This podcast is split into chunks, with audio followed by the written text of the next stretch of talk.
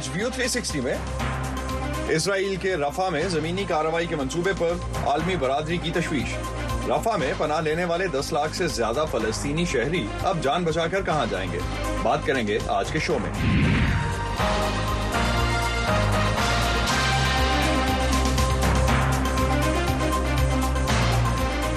وائس آف امریکہ کے واشنگٹن اسٹوڈیوز میں آپ سب کو خوش آمدید۔ آپ دیکھ رہے ہیں پروگرام ویو 360 اور میں ہوں اسد اللہ خالد۔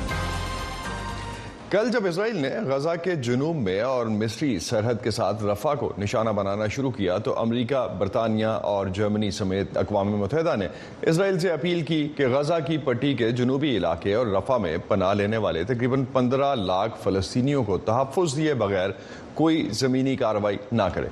کیا عالمی برادری کے تحفظات، خدشات اور اپیلیں رفع میں اسرائیلی آپریشن کو روک پائیں گی؟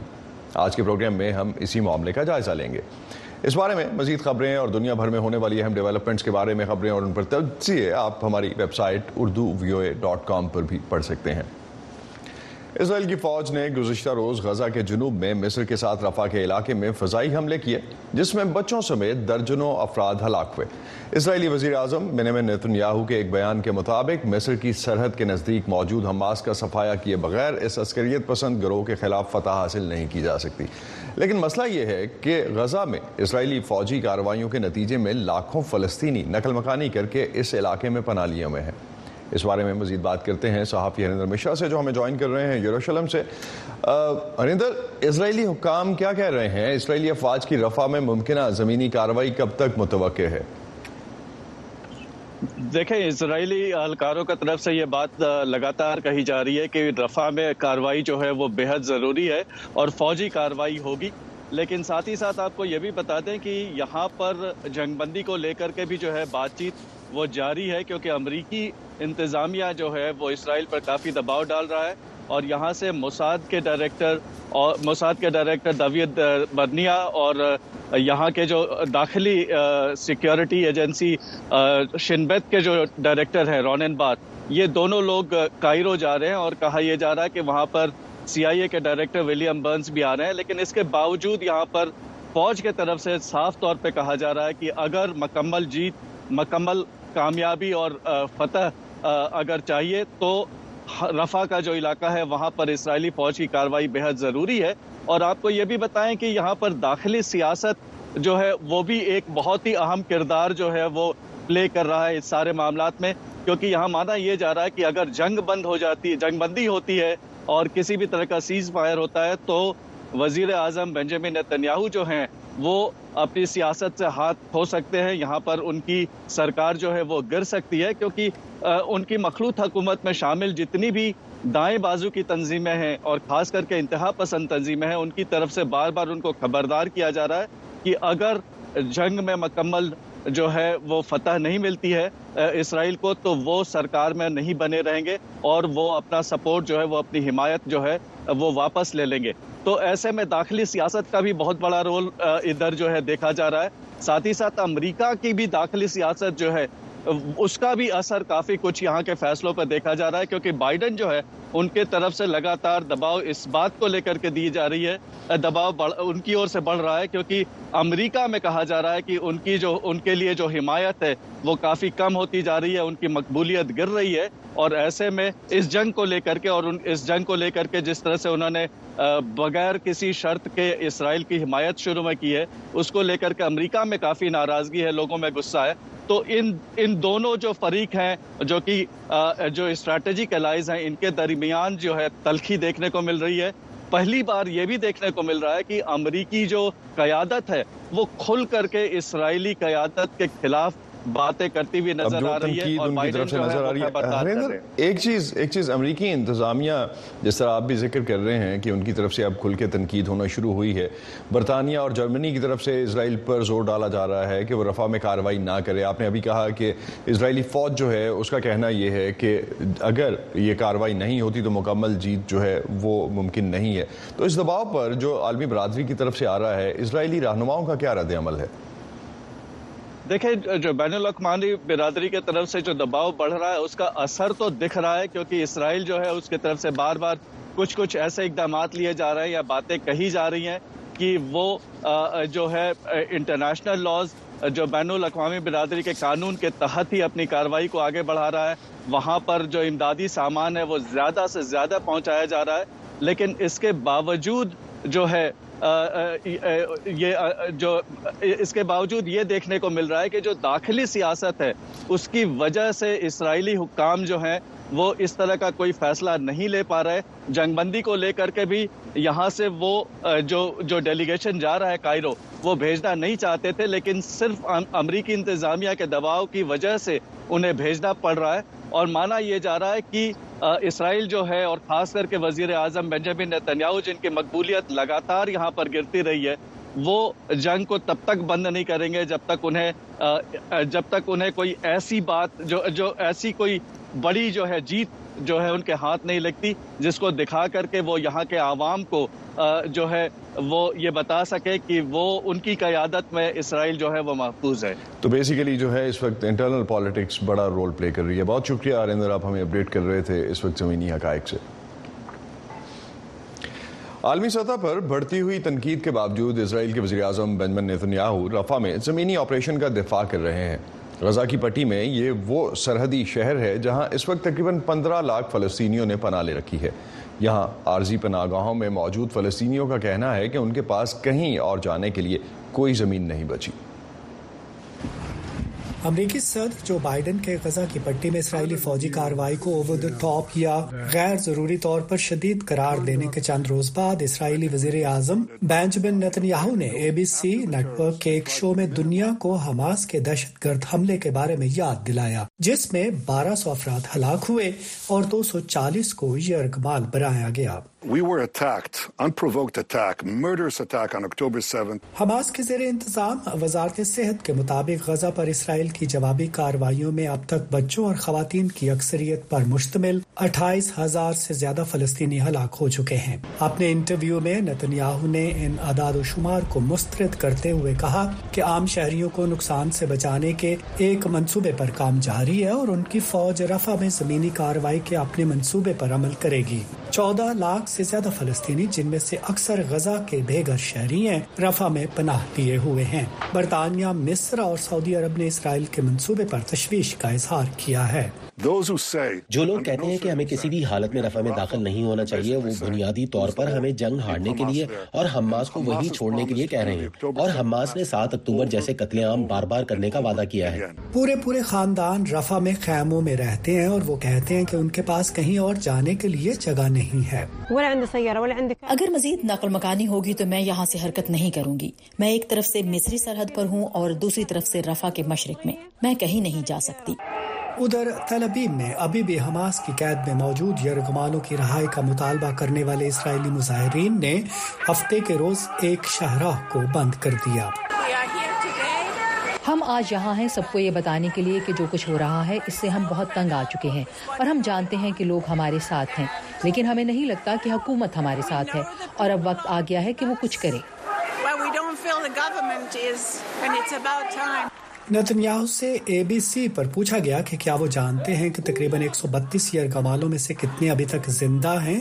uh, میرے خیال میں اتنے ہیں کہ جس قسم کی کوششیں ہم کر رہے ہیں وہ جائز بنتی ہیں اور ہم ان تمام لوگوں کو واپس لانے کی پوری کوشش کریں گے جو زندہ ہیں اور صاف بات ہے مردوں کی لاشیں بھی۔ ان کے اندازے کے مطابق حماس پر اسرائیلی فوجی دباؤ 110 یرغمالوں کی رہائی میں ایک اہم عنصر تھا۔ انہوں نے ایک بار پھر اس عزم کا اظہار کیا فتح اب قریب ہے۔ ویرونیکا بالدیراس اگلیسیس کے ساتھ ندیم یعقوب وائس آف امریکہ اسرائیل حماس جنگ کے مشرق وسطی کے دوسرے علاقوں میں پھیلنے سے متعلق خدشات پر بات چیت کے لیے اردن کے شاہ عبداللہ امریکہ کے دورے پر ہیں۔ شاہ عبداللہ سات اکتوبر کے حماس کے اسرائیل پر حملے کے بعد وائٹ ہاؤس کا دورہ کرنے والے پہلے عرب رہنما ہیں۔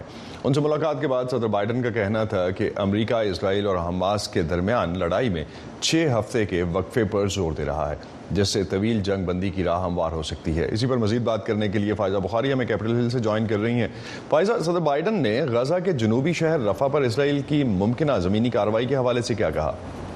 جی اسد، انہوں نے کہا کہ انہوں نے اردن کے جو شاہ عبداللہ ہیں، ان سے اس حوالے سے بات کی ہے اور بنیادی طور پر انہوں نے وہی بات repeat کی جو کہ اتوار کو انہوں نے اسرائیلی وزیر اعظم بن یمن نتنیاہو سے telephonic conversation کے دوران کہی تھی اور وہ یہ ہے کہ اسرائیل کو رفع میں کسی بھی قسم کا ممکنہ جو آپریشن ہے، فوجی آپریشن زمینی آپریشن اس کو اس وقت تک شروع نہیں کرنا چاہیے جب تک کہ وہاں کے جو شہری ہیں، ان کی، ان کے تحفظ کو وہ یقینی نہیں بنا لیتے۔ پہلے ہم آپ کو آئیے دکھاتے ہیں کہ صدر جو بائیڈن نے اس موقع پر کیا کہا تھا۔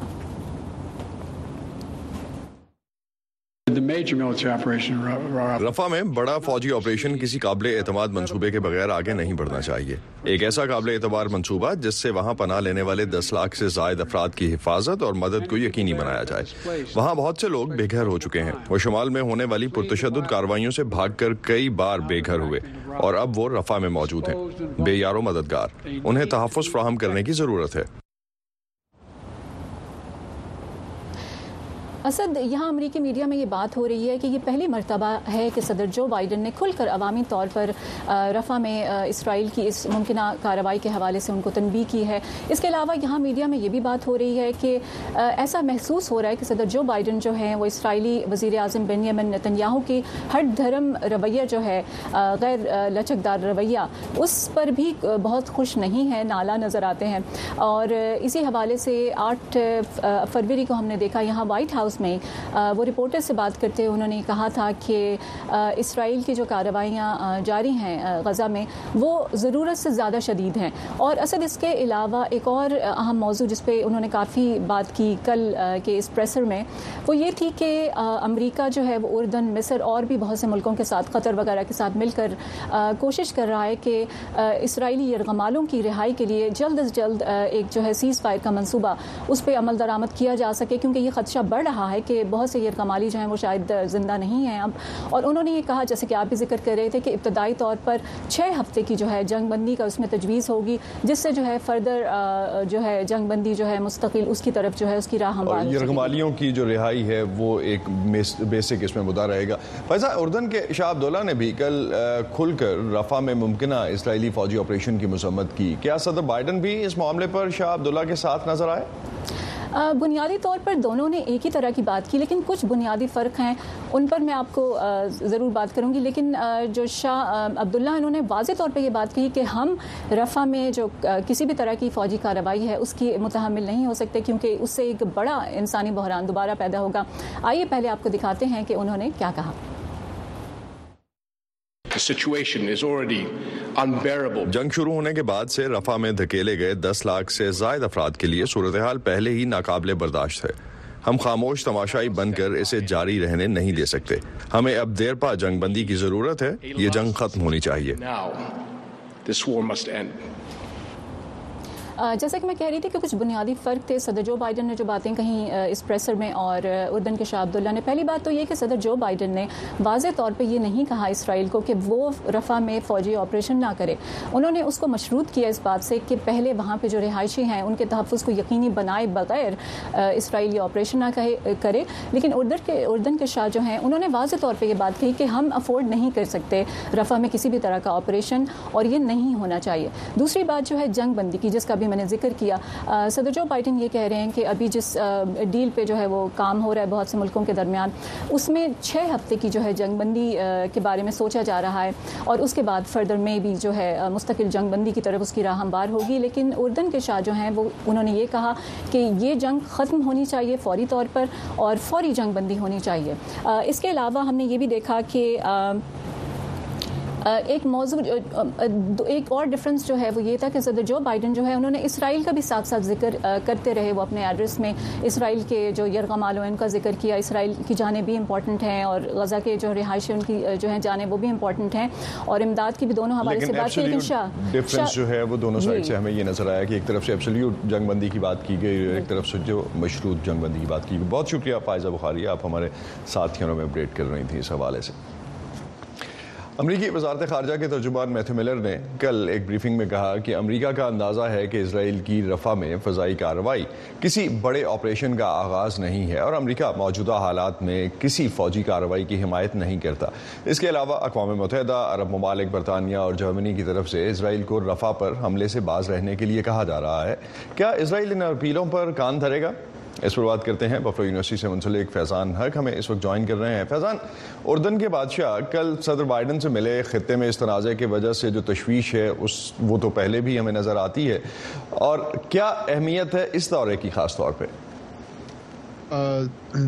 اسد سب سے پہلے آپ کو خوش آمدید as well وہ یہ جو دورہ ہے، اس دورے کا آپ سمجھیں کہ یہ آغاز ہے۔ ابھی اور عرب ممالک کے جو رہنما ہیں یا جو صدور ہیں، وہ یہاں پر واشنگٹن میں آئیں گے۔ کیونکہ یہ بات بہت clear ہو چکی ہے President بائیڈن کو اور ان کے ساتھ جو لوگ تھے، خاص کر Democratic Party میں، کہ presidential election میں یہ ایک بہت بڑا رسک ہوگا کہ اگر وہ ساری مسلم اور عرب جو population ہے، جو voters ہیں، ان کو alienate کر دیں امریکہ میں۔ اور یہ آپ کو جیسے شاید معلوم ہو کہ وہ ابھی مشیگن میں انہوں نے اپنے کچھ officials بھیجے ہیں، دوسری جگہوں پہ بھیجے ہیں، کیونکہ جو مسلمان جو امریکہ میں بستے ہیں، جو عرب ہیں، جو عرب بستے ہیں، وہ بہت ناراض ہیں Democrat سے۔ یہ ان کا بہت بڑا voting bloc تھا پچھلے election میں اور President بائیڈن کو ناراض نہیں کر سکتے۔ اور یہ ایک بہت بڑا اندرونی pressure ہے، جس کی وجہ سے President بائیڈن کو یہ کام کرنا پڑ رہا ہے۔ اور اس کے ساتھ ساتھ جو عام امریکی شہری ہیں وہ بھی اب اسرائیل کی ایسے حمایت نہیں کرتے جیسے وہ پہلے کرتے تھے۔ اور اس کا بہت بڑا credit جو ہے وہ یہاں پہ بسنے والے جو American Muslims ہیں اور جو ان کی youth ہیں، ان کو جاتا ہے کہ جنہوں نے اس کو بہت زیادہ آگے بڑھایا ہے، بات کو بتایا ہے لوگوں کے کیا ہو رہا ہے۔ تو اب اسرائیل کو جو blank check امریکہ سے ملتا تھا اس blank check کے اوپر آ, کچھ قدغن ہے کچھ اس کے اوپر checks and balances آ گئے ہیں۔ تو یہی چیز شاید ہم نے جو مغربی کنارے میں کچھ developments اس طرح کی تھیں جس پہ آ, کچھ اسرائیلی آبادکاروں پر امریکہ نے پابندی لگائی۔ media میں جو reports رہی ہیں ان سے تو لگتا ہے کہ صدر بائیڈن نیتنیاہو سے کافی نالاں ہے تاہم امریکہ مکمل جنگ بندی کا مطالبہ کرنے سے گریز کر رہا ہے۔ کیسے دیکھتے ہیں آپ یہاں پہ امریکہ کی اس policy کو؟ دیکھیے، جو رائے عامہ کی جنگ ہوتی ہے اور ایک میدان جنگ میں جنگ ہوتی ہے، جو رائے عامہ کی جنگ ہے، وہ اسرائیل اور امریکہ دونوں ہار چکے ہیں۔ امریکہ نہیں چاہتا کہ وہ جو کچھ بھی اس نے اپنی رپور یا جو بھی باہمی تعلقات جو اس نے بنائے تھے اور اس پہ billions of dollars جو ہیں وہ خرچ ہوئے ہیں جس جو پچھلے دس سالوں میں کوشش تھی کہ سعودی عرب، یونائٹڈ عرب ایمریٹس اور دوسرے جو خلیجی ممالک ہیں، ان کے ساتھ اسرائیل کی جو تعلقات ہیں، ان کو ہموار کیا جائے، وہ تمام zero ہو چکا ہے۔ وہ تمام محنت جو ہے، وہ ضائع ہونے کا خدشہ ہے۔ اور اس میں جو سب سے بڑی رکاوٹ ہے، وہ اس وقت نیتن یاہو کی government ہے۔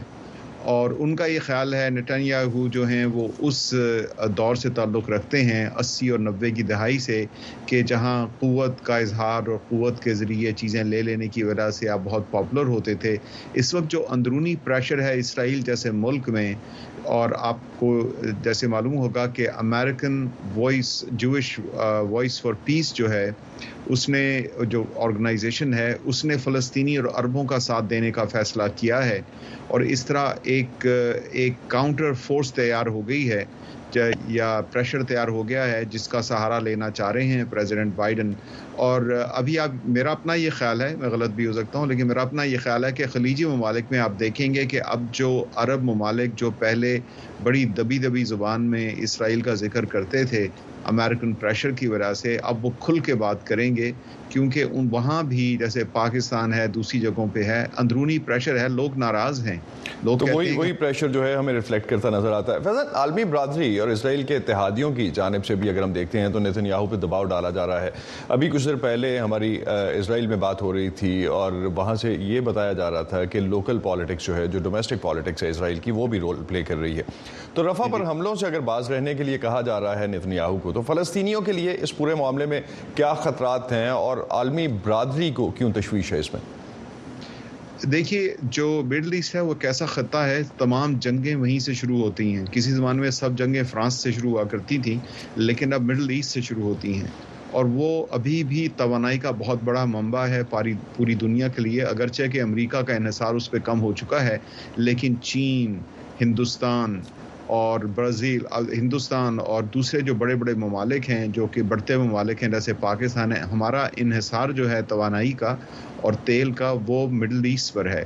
جی۔ اگر Middle East جاتا ہے وہ جنگ کی لپیٹ میں آتا ہے تو سارا خطہ اس سے متاثر ہوتا ہے پوری دنیا کی economy اس سے متاثر ہوتی ہے۔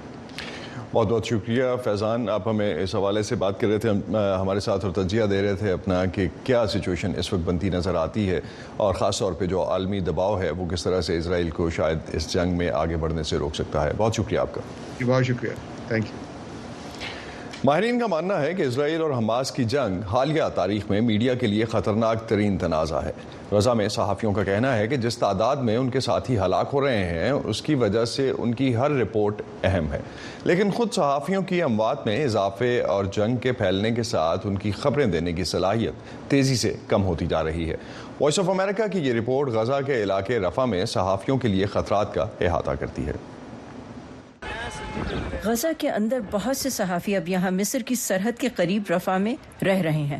جہاں اکتوبر میں جنگ شروع ہونے کے بعد سے آبادی میں پانچ گنا سے زیادہ اضافہ ہوا ہے۔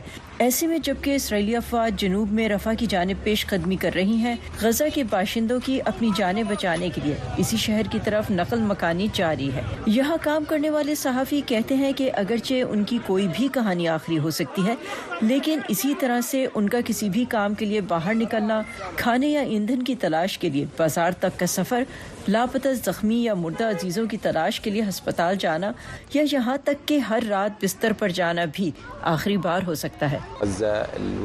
غزہ کی صورتحال بہت مشکل ہے اور غزہ پر reporting بھی بہت مشکل ہے۔ نشریات کے لیے کسی بھی خبر یا تصویر کو رپورٹ کرنے والا کوئی بھی شخص مارا جا سکتا ہے۔ چار ماہ سے زیادہ جاری جنگ میں مارے جانے والے صحافیوں کی تعداد اس بات پر منحصر ہے کہ گنتی کون کر رہا ہے۔ لیکن تمام اندازے بتاتے ہیں کہ صحافیوں کی ہلاکتوں کی کی تعداد حالیہ تاریخ میں کسی بھی دوسری جنگ سے زیادہ ہے۔ صحافیوں کے تحفظ کے لیے کام کرنے والے عالمی ادارے Committee to Protect Journalists نے پچیاسی اموات کی اطلاع دی ہے، جبکہ اقوام متحدہ کا اندازہ ایک سو بائیس ہے۔ غزہ کے اندر صحافیوں کا کہنا ہے کہ آخری بار جب کسی نے بھی اعداد و شمار شائع کیے تھے، تب سے یہ تعداد بڑھ کر ایک سو تیس ہو گئی ہے۔ موتسم کا کہنا ہے کہ غزہ سے reporting میں بڑھتی ہوئی دشواریوں نے قابل اشاعت چھوٹی سے چھوٹی معلومات کو بھی انتہائی ضروری بنا دیا ہے تاکہ دنیا جنگ کو غزہ کے لوگوں کے نقطۂ نظر سے سمجھ سکے۔ من خلال إنو صحافیوں پر پابندیاں لگا کر اور ان کی ذہنی طاقت کو کم کر کے وہ صحافیوں کو پیشہ وارانہ طور پر خبریں دینے سے روک سکتے ہیں۔ لیکن جب وہ ایک صحافی کو مارتے ہیں تو اس سے کہانی اور سچائی مسلسل پیش کرنے کا ہمارا عزم اور بھی بڑھ جاتا ہے۔ اسرائیلی حکومت نے بین الاقوامی پریس کے غزہ میں داخلے پر پابندی لگا دی ہے اور دسمبر میں یروشلم میں Foreign Press Association نے اسرائیلی Supreme Court میں درخواست دی تھی کہ اسے سخت کنٹرول شدہ فوجی دوروں سے ہٹ کر غزہ میں رسائی دی جائے۔ عدالت نے درخواست مسترد کرتے ہوئے کہا کہ اس سے اسرائیلی دفاعی افواج پر غیر ضروری بوجھ پڑے گا۔ غزہ کے اندر صحافیوں کا کہنا ہے کہ ان کی خبریں دینے کی صلاحیت تیزی سے کم ہوتی جا رہی ہے۔ یہ حرب من کل اتجاہ۔ یہ صحافیوں پوری کمیونٹی کے خلاف ہر سمت سے جنگ ہے۔ اسرائیلی قابض افواج اپنے حملے کے ایک حصے کے طور پر اکثر مواصلاتی رابطہ منقطع کرتی ہیں جس سے ہماری شمال میں ان محدود مقامات سے معلومات حاصل کرنے کی صلاحیت اور بھی کم ہو جاتی ہے جہاں سے ہمیں بھاگنے پر مجبور کیا گیا تھا۔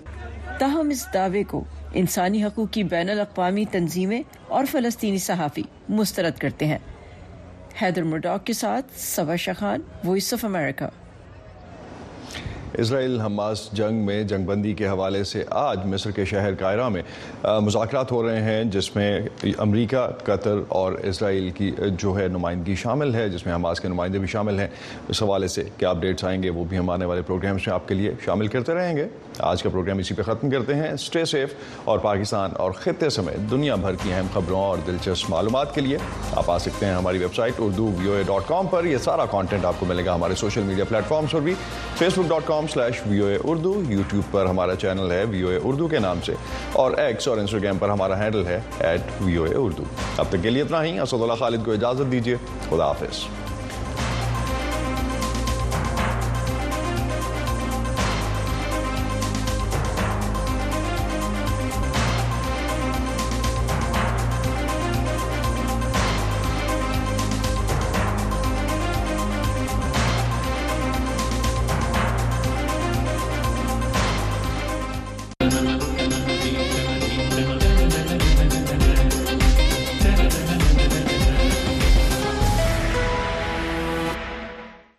د بدلون په وخت کې.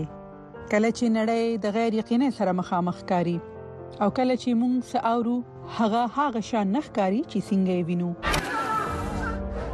موږ د اړتیا ولټون کوو. موږ ته چې کله نیمګړی قصه ویل کیږي موږ پر باور بیلو. د کڑکېچ په شیبو کې زمون خوبونه امیدونه او د غوړه سباوند لپاره زمون ارزوګانې آزادې میډیا ته اړتیا لري. په وایس اف امریکا کې تاسو ته داسې خبرونه راوړو چې د قتل لپاره خلک د خطر سره مخامخ کوي. مونږ نړۍ سره یو ځای کوو او اړتیا سره پیوست کوو. په وایس اف امریکا کې مونږ تاسو ته پوره عکس درخایو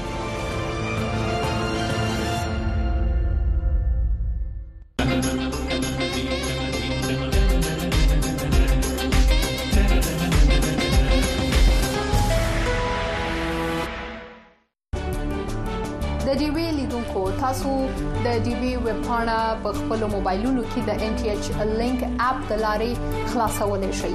د دې طریقه به تاسو خو چې تاسو په آیفون او په انډراید فون باندې څنګه کولای شئ چې داغه اپ ډاونلوډ کړئ او له هغه ځای څخه د ډي وی ویب پاڼه وګورئ. د ان ټي ایچ لینک اپ ډاونلوډولو لپاره که تاسو سره آیفون وي نو تاسو خپل اپل ستور پرانځئ او که له تاسو سره انډراید فون وي نو تاسو ګوګل ستور پرانځئ له هغه وروسته لټون کې ان ټي ایچ لینک ولیکئ او دغه اپ ډاونلوډ کړئ په دویم پړاو د آی اګری ثنې کې کاږي او بیا د فلګ لاندې د کنیکټ ثنې کې کاږي او په دریم پړاو کې بیا د اوکی ثنې یا بټن کې کاږي لکه نکټېدو وروسته تاسو د دې وی پاڼه فرانسې او د خپل خوښې خبرونه وګورئ او له هغه ځایه تاسو کولی شئ چې د خپل خوښې ټول پروګرامونه ریپورتونه او لیکنې ولولئ او وګورئ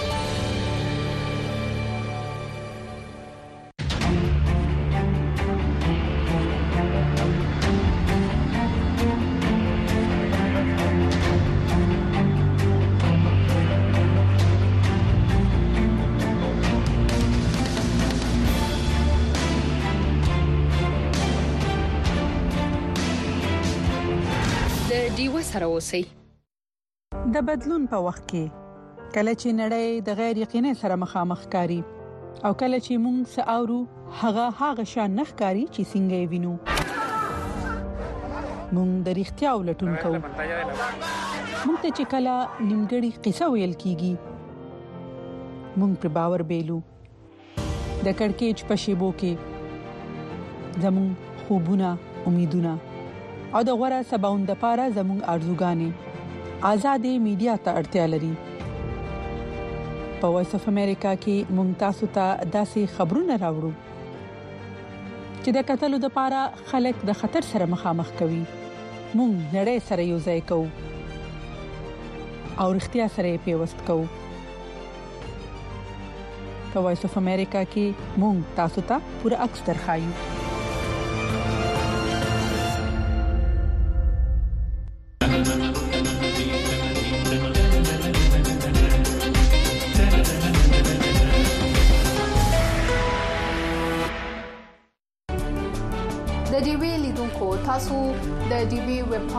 په خپل موبایلونو کې د ان ټي ایچ لینک اپ د لارې خلاصولای شئ.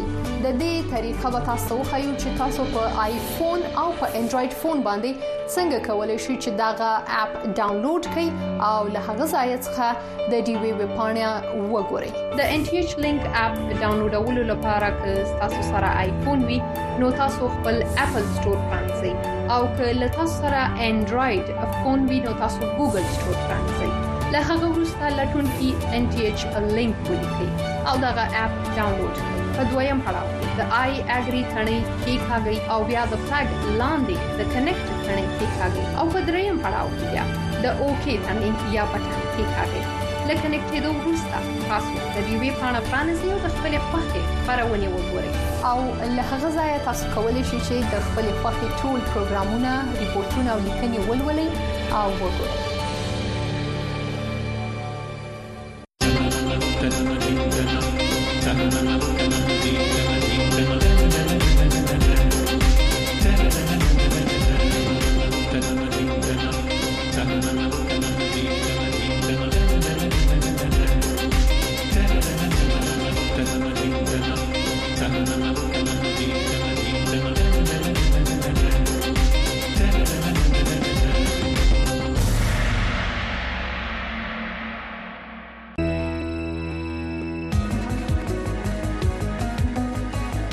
روایت امروز. روایت امروز.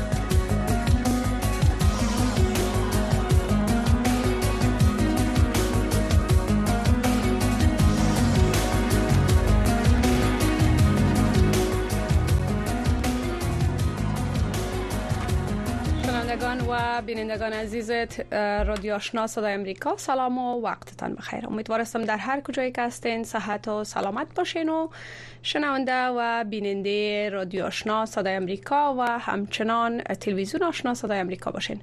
خب در برنامه روایت امروز ما روی موضوع ملل متحد که گفته که این سازمان در مورد بازداشت های خودسرانه اخیر زنان و دختران توسط طالبان به دلیل ادعای عدم رعایت قوانین پوشش اسلامی به شدت نگران است و گفته بررسی می‌کنه. در مورد از این صحبت خواد کردیم با مهمان گرامی ما خدا خموش از کشور ناروی. که در این برنامه اونا را خواد داشتیم و روی زمین مسئله و ای که خواست زنان افغان در نشستایی که قرار است به زودی در مورد افغانستان و وضعیت زنان در افغانستان دایر شوه صحبت بکنن.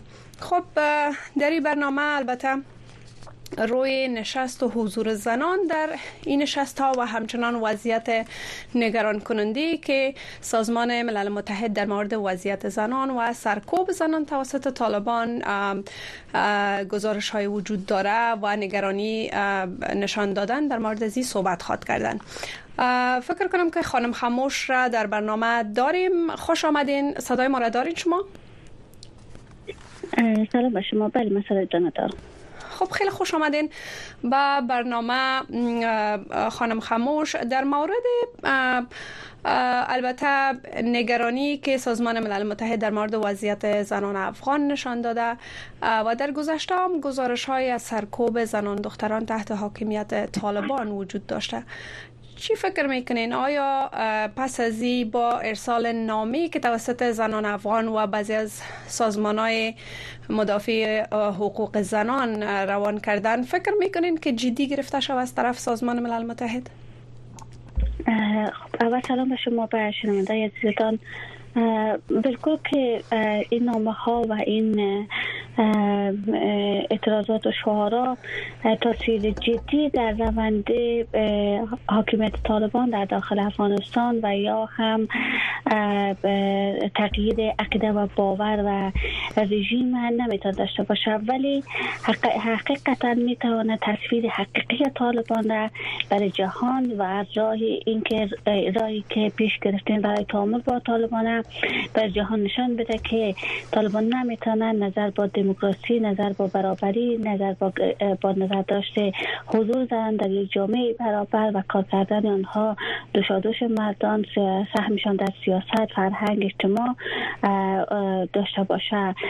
اما تاثیرگذاری اینکه ما متوجه اونا می‌سازیم ما اینکه خاموش نیستیم زنان به خود آگاهی رسیدن می‌تونن در سطح رهبری کار بکنن می‌تونن در مورد آینده خودشان کشورشان و یا مسائل فرهنگی اجتماعی سیاسی در داخل افغانستان تصمیم گیرنده باشن و بتونن برای سرنوشت یک کشور صحبت بکنن هر بزن برای راه حل های نسبی یا هم دایمی را پیشنهاد بکنن سهم دارم و می‌تونن در اون این راه ها را با نوشتن نامه ها با گرفتن برنامه ها و یا هم شرکت کردن اونها در برنامه ها ابراز بکنن تا جهان هم متوجه شود که آوردن طالبان در داخل افغانستان و تعامل با طالبان در داخل افغانستان برای مردم افغانستان قابل پذیرش نیست و نخواهد بود و تقدیم کردن افغانستان با با پامال کردن خون مردم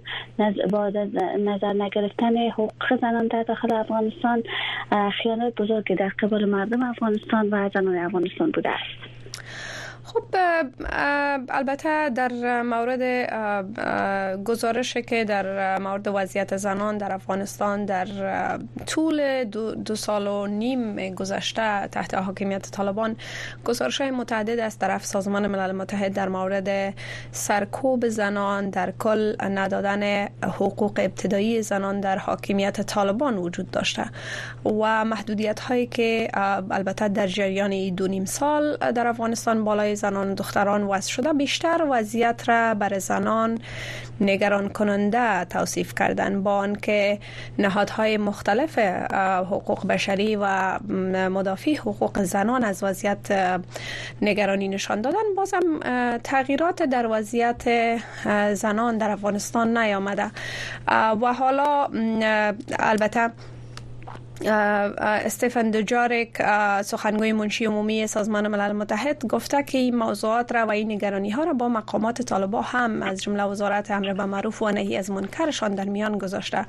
و خواهان آزادی فوری همه کسایی که از با البته به دلیل به گفته طالبان بد حجابی یا بی حجابی بازداشت شدن هم درخواست کرده. فکر می‌کنین که پس از این طالبان به خواستها و به ای تاکیدات سازمان ملل متحد و مقامات او اعتنایی بکنن؟ خب طالبان باید این پاسخ ها را و این جواب ها و این لابی, لابی را برای خودشان به خاطر به رسمیت شناختن رژیمشان داشته باشند. بنابراین طالبان نمی‌تونن وقتی خودشان داخل افغانستان حاکم هستند خودشان رژیم دست دارن و می‌تونن مردم سرکوب بکنن. که ما شاهد بودیم و در سه سال تجربه کردیم طالبان که عقیده و باورشون تغییر نکرده. بنابراین لازم می‌بینن که برای اینکه بتونن حداقل از طرف جهان دیده شوند و بتونن حکومتشان شکل بدن و یا بتونن رای حل های برای رسمیت شناختن پیدا بکنن این دروغ های فاحش به خاطر لابی می‌کنن و می‌تونن این ابرازات داشته باشن تا بتونن نماینده های سازمان های سازمان سازمان های داخل داخل افغانستان و یا هم سازمان ملل به خوشان جلب بکنن. اما حقیقت چیز دیگری هست که آنها می‌گویند که متوجه می‌کنیم آزاد می‌کنیم ما در نظر می‌گیریم ولی تا چه وقت؟ آیا این فقط دستگیری ها آیا پایانی بر جنایت است؟ آیا پایانی بر قتل و خشدار و محدودیت و محدودیت است؟ آیا طالبان دموکراسی را پذیرفتند؟ آیا بر حقوق زنها اهمیت قائل هستند؟ و اجازه میدن با تمام اهمیتی که زنان می‌تونن در یک جامعه کار بکنن در دوش جامعه حرکت بکنن و کار بکنن بدون شک نخیر چون طالبان به این باور نیستند. با پارتای جنسیتی در داخل افغانستان بدون شک از اینها پا روان و پا هست و ما شاهد بسیاری از قتل ها بسیاری از کشتارها حتی انتحاری های وحشتناک در داخل افغانستان بودیم که دست اینا مردم افغانستان تا تا اکنون زانوی غم به بغل گرفتین بدان قابل تغییر نیست و نگفتن به طالب تا تعامل تا رسمیت شناختن و نشست هایی که بتانه از خانم تغییر بده که بدون شک تغییر نمی‌کنه. پایانی بر اینها باشه و و برای اینکه بتانن پاسخگوی بر خون مردم باشن به دادگاه کشیده شوند. از اینها پرسجو شود اگر هر قدر ما زمینه رو به طالبان باز بکنیم همون قدر خون بیگناهان ریخته می و محدودیت بیشتری بر زنان وضع میشه که ما در آینده ها نه تنها از طرف مردان بلکه از طرف زنان نیز شاهد انتحاری ها شاهد جنایت ها شاهد قتل و کشتار و نابرابری خواهیم بود و افغانستان به مرکز تروریست و پرورش تروریست تبدیل خواهد شد. و طالبان نه تنهایی که تروریستان نه تنهایی که از میان کاسته و کاهش پیدا کنه بلکه قدرتمند و فربیتر افغان میشه که خطرش نه تنها بر داخل افغانستان و منطقه و منطقه بلکه جهان هم تهدید خواهد کرد. بله. خب خانم خموش شما در جریان هستین که به تاریخ 7 و 18 فبروری البته در دوحه نشست در مورد وضعیت افغانستان و زنان برگزار میشه و گفته میشه که طالبا هم به این نشست دعوت شدن گرچه تا به حال کدام از طرف سازمان ملل متحد رسما تایید نشده. ولی بیشتر زنان و زنان فعال و همچنان برخی از نهادهایی که در عرصه حقوق زنان و دفاع از حقوق زنان کار می‌کنن درخواست کردن و خواستار حضور پررنگ زنان در این نشست شدن. و گفتن که باید برای مخصوصا برای زنای معترض حق حضور داده شود تا بتانن که در اینجا خواستای خود در میان بگذارن و برشان رسیدگی صورت بگیره. و حتی در این مورد برخی از نهادها هم نهادهای مختلفه که در بخش حقوق زنان کار می‌کنن و خود زنان معترض.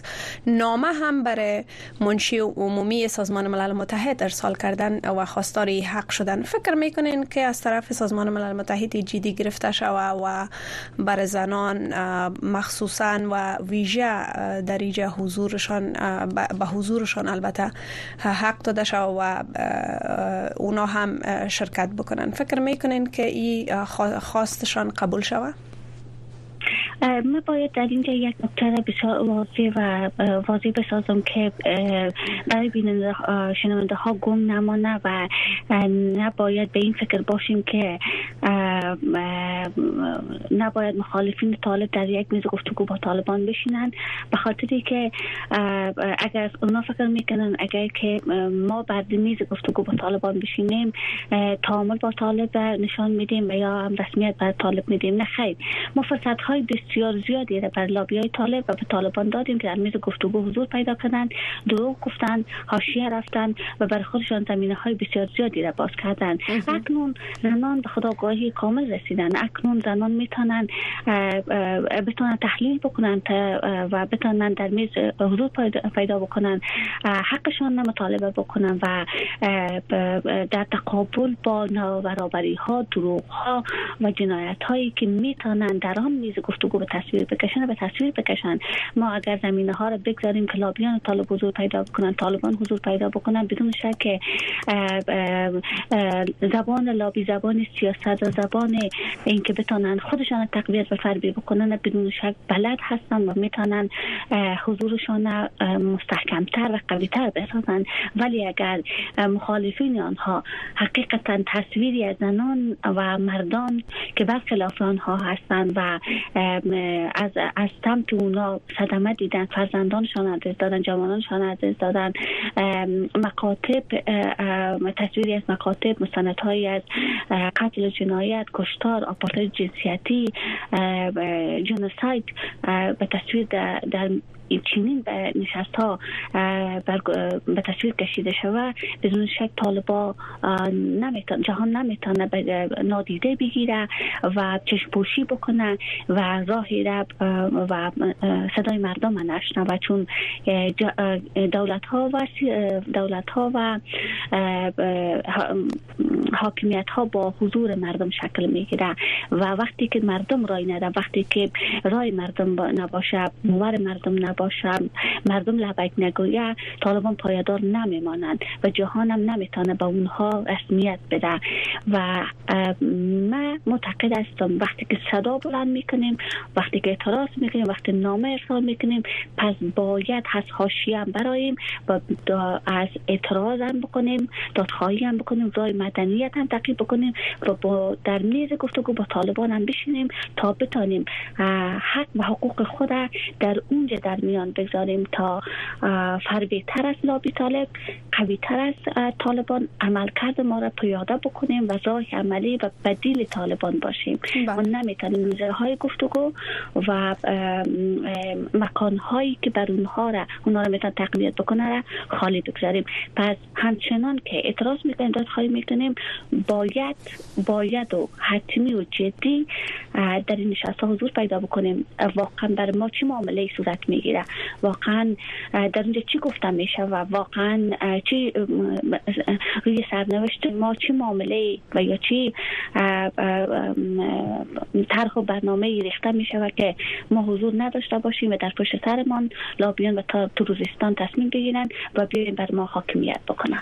خب در گذشته هم در البته در دو سال بیشتر از دو سال گذشته که طالبان در حاکمیت هستند در افغانستان. بیشتر نشست های البته به طور پراگندی صورت گرفته در کشورهای منطقه در البته در قزاقستان در ایران در پاکستان در چندین کشور البته صورت گرفته و با وجود که خواست زنان افغان از ابتدای حاکمیت طالبان که با محدودیت ها مواجه بوده خواستشان می بوده که زنان باید سهم داشته باشند حضور داشته باشند و حداقل آوازشان و سخنشان شنیده شود که چی می‌خواین.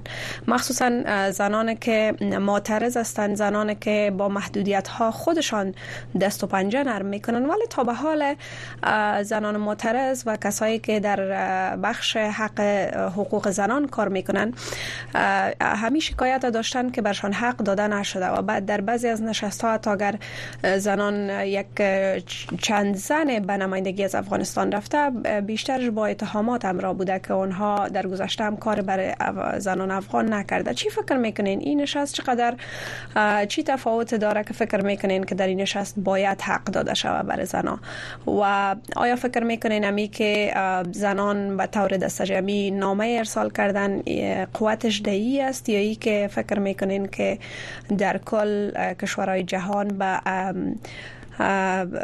اصلیت و در کل بر در کل گزارش هایی که در مورد رفتار و عملکرد طالبان وجود داره اونها آگاه شدن و می‌خواین که دیگر ادامه پیدا نکنه.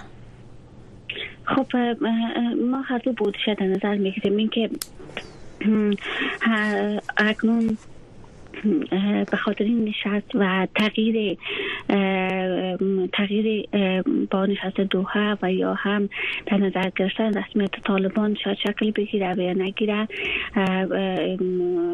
یعنی سخن ها و پیام های بسیار زیادی شنیده میشه که آدم استرس پیدا می‌کنه و استراب پیدا می‌کنه که مبادا طالبان رسمیت بگیرن.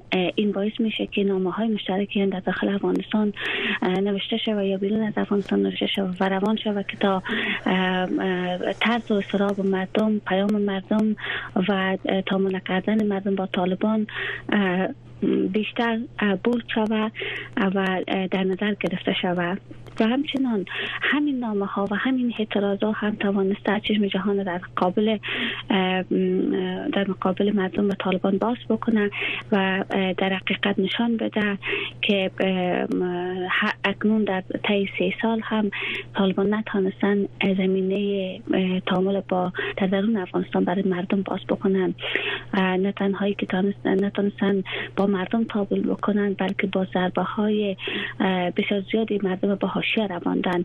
از مکاتب بسته کردن زنان را جامعه حذف کردن و حتی با زبان هویت و مذهب آدم ها کنار نیامدن و به خاطر مذهب دین و عقاید مردم و آزادی بیان مردم زندان کردن شکنجه کردن و جسدهایشان به خانوادهایشان تحویل دادن.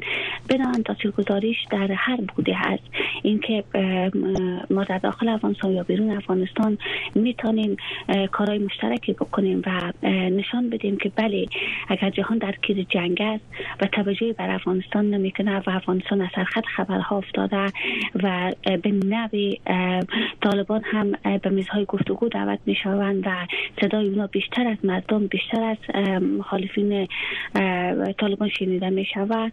ما سکوت نکردیم و زمینه هم اجازه نمیدیم زمینه هم برای تعامل با طالبان باز شود و و قاتلین مردم به رسمیت شناخته شود و بتونه حاکم افغانستان شود در کل تاثیرگذاری از هر دو طرف است. با وجودی که ما می‌بینیم اکنون وضعیت بین المللی در حال وخیم است جنگ در غزنه جنگ اعتراضات در ایران وضعیت انتخابات در امریکا پاکستان که به منطقه کشور نزدیک برای افغانستان است و همیشه سیاست خودش در داخل افغانستان داشته. اینها پرده بسیار دقیقی است که بر روی جنایت طالبان افتاده است و نمی‌گذاره که حقایق طالبان در داخل افغانستان مستند شود آشکار شود و جنایت ها بر چشم دیده شود ولی همین همین مجموعه از زنها همین مجموعه از مردها می توانند به صورت متمرکز نامه ها روان بکنن و بتانند نشان بدن که نه ما سکوت نکردیم و طالبان نمی‌خواهیم و این نشست ها باعث نمیشه که راه تعامل با طالبان باز شود و اونا حاکم افغانستان شود بله. خب خانم خاموش قسمی که در جریان هستین زنان در دو سال و نیم گذشته با محدودیت های زیاد در افغانستان معوری شدن. چی در عرصه کار آموزش فعالیت های اجتماعی و حتی به رفتن به پارک ها حتی جاهای تفریگاه ها و از تمام محلات زندگی اجتماعی دور نگه داشته شدن و حضورشان کمرنگ شدن نسبت به گذشته. در اینجا تعداد زیاد از زنان مجبور به ترک کشور شدن و تعداد هم که در افغانستان باقی ماندن در تلاش ازی هستند که کشور را ترک بکنن و نمی‌تونن که در این وضعیت در افغانستان زندگی بکنن. حالا که وضعیت روز به روز تنگتر و محدودتر میشه برای زنها در داخل افغانستان. شما مسئولیت زنها و خانمایی را که از افغانستان بیرون شدن و فعلا در یک محل امنتر و یک جای بهتر زندگی حالت و یا وضعیت بهتر قرار دارن مسئولیت این خانما و زنها در قبال دادخواهی بر زنایی که در داخل افغانستان است چی است؟ چی کارهایی باید انجام بدن چگونه زنان در داخل افغانستان کمک بکنن متاسفانه که بهترین شکل همبستگی ما ای است که راه های دور افتادیم و نمی‌تونیم به طور متمرکز همدیگر ببینیم و برنامه ها پلان ها و کارکردهای خود در میان بگذاریم و کار بکنیم و این باعث میشه که همین همبستگی ها را بیشتر از میان برداره. و ما خوشبختی این هم هست که ما از دنیای مجازی با هم وصل هستیم صحبت می‌کنیم نظریات کارکردها و مکدهای خود ما در میان می‌گذاریم. و ما بیشتر از این زنان هم می‌بینیم بیشتر از زنان کار می‌کنن فعالیت می‌کنن و تلاش می‌کنن که بتونن راه ارتباطی بیشتر از داخل افغانستان باز بکنن و بتونن با مردم و با مردم گفتگو بکنن کار بکنن تا بتونن حقایق و یا هم جنایت های داخل افغانستان رخ میده از طریق قونا به تصویر بکشن و بتونن در موشان بنویسن و رو سازی بکنن و به جایی که لازم است ارسال بکنن تا دیده شوند اما در کل این چیزی کمی هست و نمی‌تونه در تقابل با کار طالبان در تقابل با لابی کردن طالبان پاسخگو باشه و یا نتیجه مثبت بگیره. نیاز است که بیشتر و بیشتر در هر کشوری که هستن در هر جایی که کار می‌کنن انسجام خود حفظ بکنن.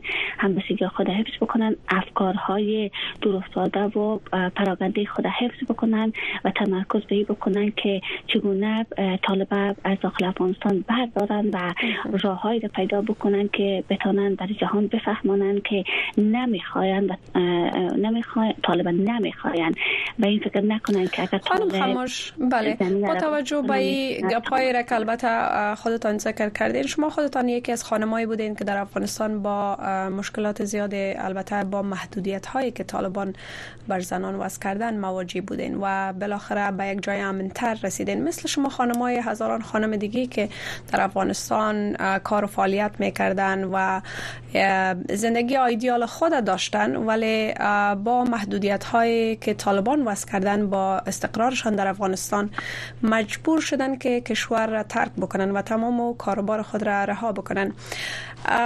فکر می‌کنین که این خانما با آنکه فعالیت های در بیرون از افغانستان دارن ولی یک شبکه یک دست و یا فعالیت که انسجام فعالیت انسجام از این خانما را نشان بده و بتانن برای طور درست برای خانمای افغان در داخل افغانستان دادخواهی بکنن تا به حال وجود نداشته.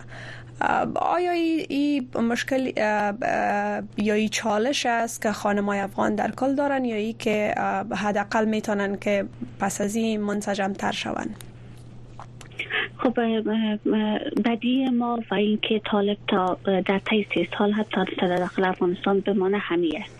که ما نتانستیم افکارمون باورهایمون و طرحهای ما را مشترکن. برای سازمان هایی که در داخل افغانستان کار می‌کنن و می‌تونن صدای بیشتری در زنای افغانستان و مردم افغانستان بشنون داشته باشیم.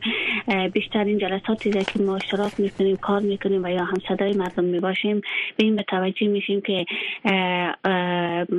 نماینده هایی که در داخل افغانستان کار می‌کنن با ما شریک می‌کنه که صحبت های شما در داخل بیرون افغانستان یک چیز است و مردمی که در داخل افغانستان از دیگه چیز دیگه است و افکارهای مختلف دیدهای مختلف طرحهای مختلفی شریک میشه و که نمی‌تونه همه قابل پذیرش باشه.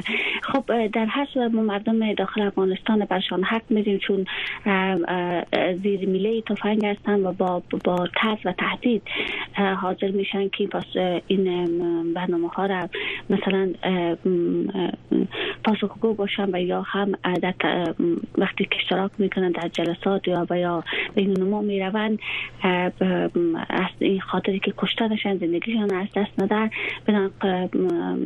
باید تحمل بکنن و باید با این زندگی وحشتناک و نابرابر بجنگن و استادگی بکنن تا زندگیشان از اما بیرون مردم بیرون می‌تونه تحمل بکنه تمام افکار عقیده ها و عقیده های پراگندیشون کنار بگذارن و بیاین روی یک برنامه نگفتن به طالب و نگفتن به رسمیت به طالب تمرکز بکنن و از اون می‌تونیم ما مسائل فرهنگی مذهبی زبانی هویتی و تاخت و تازهایی که در میان ما را بعد از نگفتن به طالب حل بکنیم و بتانیم زمینی صلح باز بکنیم و بتانیم بدیل خوبی در بله. مردم انتخاب خب کنیم خانم خاموش اگر پاسخ را بسیار مختصر جواب بدین چون وقت برنامه کم باقی مانده. چقدر شما امیدوار هستین که در افغانستان وضعیت بر زنان به این زودی ها تغییر بکنه. اگر طالبان همین گونه طالبان حضور پیدا بکنه و جهان را تقویت بکنه پول های اضافی در داخل افغانستان ارسال شود مردم هم پراکنده باشه نامید کننده است. ما بحث حجر میریم بحث اصل سنگسار میریم بحث میریم که دیگر زن, زن زنده و گور میشه و معنی نداره. ولی اگر این سجام ها را حفظ بکنیم مطمئن هستم در کوتاهترین مدت از افغانستان برچینده خواهد شد و ما می‌تونیم به موفقیت برسیم. یک جان سپاس از خدا خموش فعال حقوق زنان که در برنامه مستقیم با ما بودن. یک جان سپاس از حضورتان و نظریاتتان. بیننده عزیز و شنونده عزیز رادیو آشنا صدای آمریکا ای بود برنامه روایت امروز که تقدیمتان شد. تا برنامه بعد که باز هم در خدمت قرار می‌گیریم شما را به لای پاک میسپاریم. ایام و کامتان.